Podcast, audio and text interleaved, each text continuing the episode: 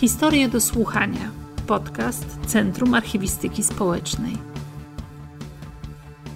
Za chwilę usłyszymy wyróżnioną w konkursie Odkryj swoje archiwum opowieść autorstwa Dagny Kruszewskiej-Mach z Gminnej Biblioteki Publicznej w Raszynie. Tadeusz Jaworski, chemik, wynalazca, plantator i społecznik. Pola uprawne w Raszynie przy ulicy Godebskiego. Niebo bezchmurne, czuć gorąco w powietrzu. Jest koniec lat pięćdziesiątych XX wieku. Na fotografii widnieje grupa osób, wśród których wyróżnia się mężczyzna w szarym garniturze. To Tadeusz Jaworski, właściciel gospodarstwa nasiennego i kierownik oddziału spółdzielni pracy Okęcie.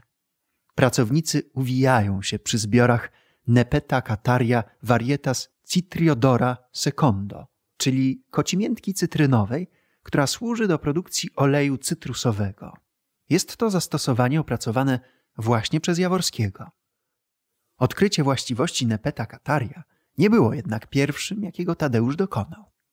W 1937 roku wraz ze Stanisławem Sozańskim wystawił podczas targów międzynarodowych w Poznaniu w dziale wynalazków model, rysunek i opis nowego sposobu otrzymywania kalafonii za pomocą ekstrakcji lotnymi rozpuszczalnikami.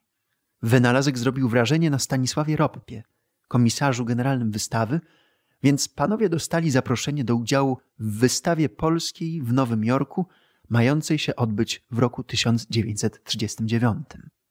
Przygotowana przez nich gablotka z eksponatami nie dotarła jednak na miejsce, a starania uzyskania patentu w USA zakończyły się fiaskiem. Na przeszkodzie stanął wybuch II wojny światowej.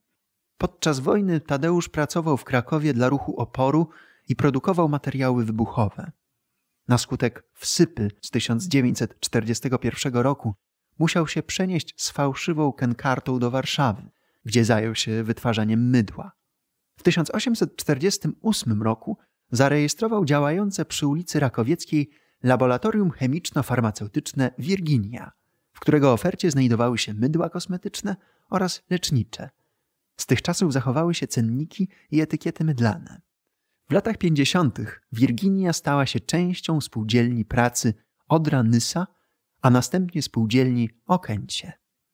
W 1952 roku Jaworski wypoczywał koło Kielc i tam zwrócił uwagę na nieznaną mu wcześniej dziko rosnącą roślinę o zapachu zbliżonym do cytryny. Będąc z wykształcenia przyrodnikiem, w 1934 roku uzyskał stopień inżyniera leśnictwa na Wydziale Rolno-Leśnym Uniwersytetu Poznańskiego i specjalistą od zapachów, wiedział, że olejki cytrusowe są importowane i że jak do tej pory nie udało się ich wyprodukować w kraju. Zdecydował się więc zebrać kilka roślin, uzyskać z nich nasiona, a następnie założyć eksperymentalną uprawę. Jak się okazało, roślina stała się nie tylko źródłem olejku, sprawdzającego się doskonale w artykułach kosmetycznych, ale także oleju schnącego, porównywalnego właściwościami do deficytowego w tamtych czasach lnianego. A odpady produkcyjne mogły jeszcze służyć jako pasza dla bydła. W gospodarstwie nasiennym, oprócz kocimiętki, produkowano także nasiona cebuli, bratków, cebulki tulipanów na eksport do Holandii, a także pomidory i fasole sprzedawane do sklepu, co było skrzętnie odnotowane w książeczce plantatora. Jaworski zapisał się w lokalnej historii jako społecznik. W 1959 roku zaprojektował park w Raszynie, zajmował się też gazyfikacją. A jakim był człowiekiem prywatnie? Bardzo oczytanym, z dużym poczuciem humoru. Lubił szybką jazdę autem. Kochał rodzinę, żonę Stanisławę i dzieci, Dariusza, Danutę, Edmunda i Ludmiłę, operę i drzewa. Odszedł w 1972 roku.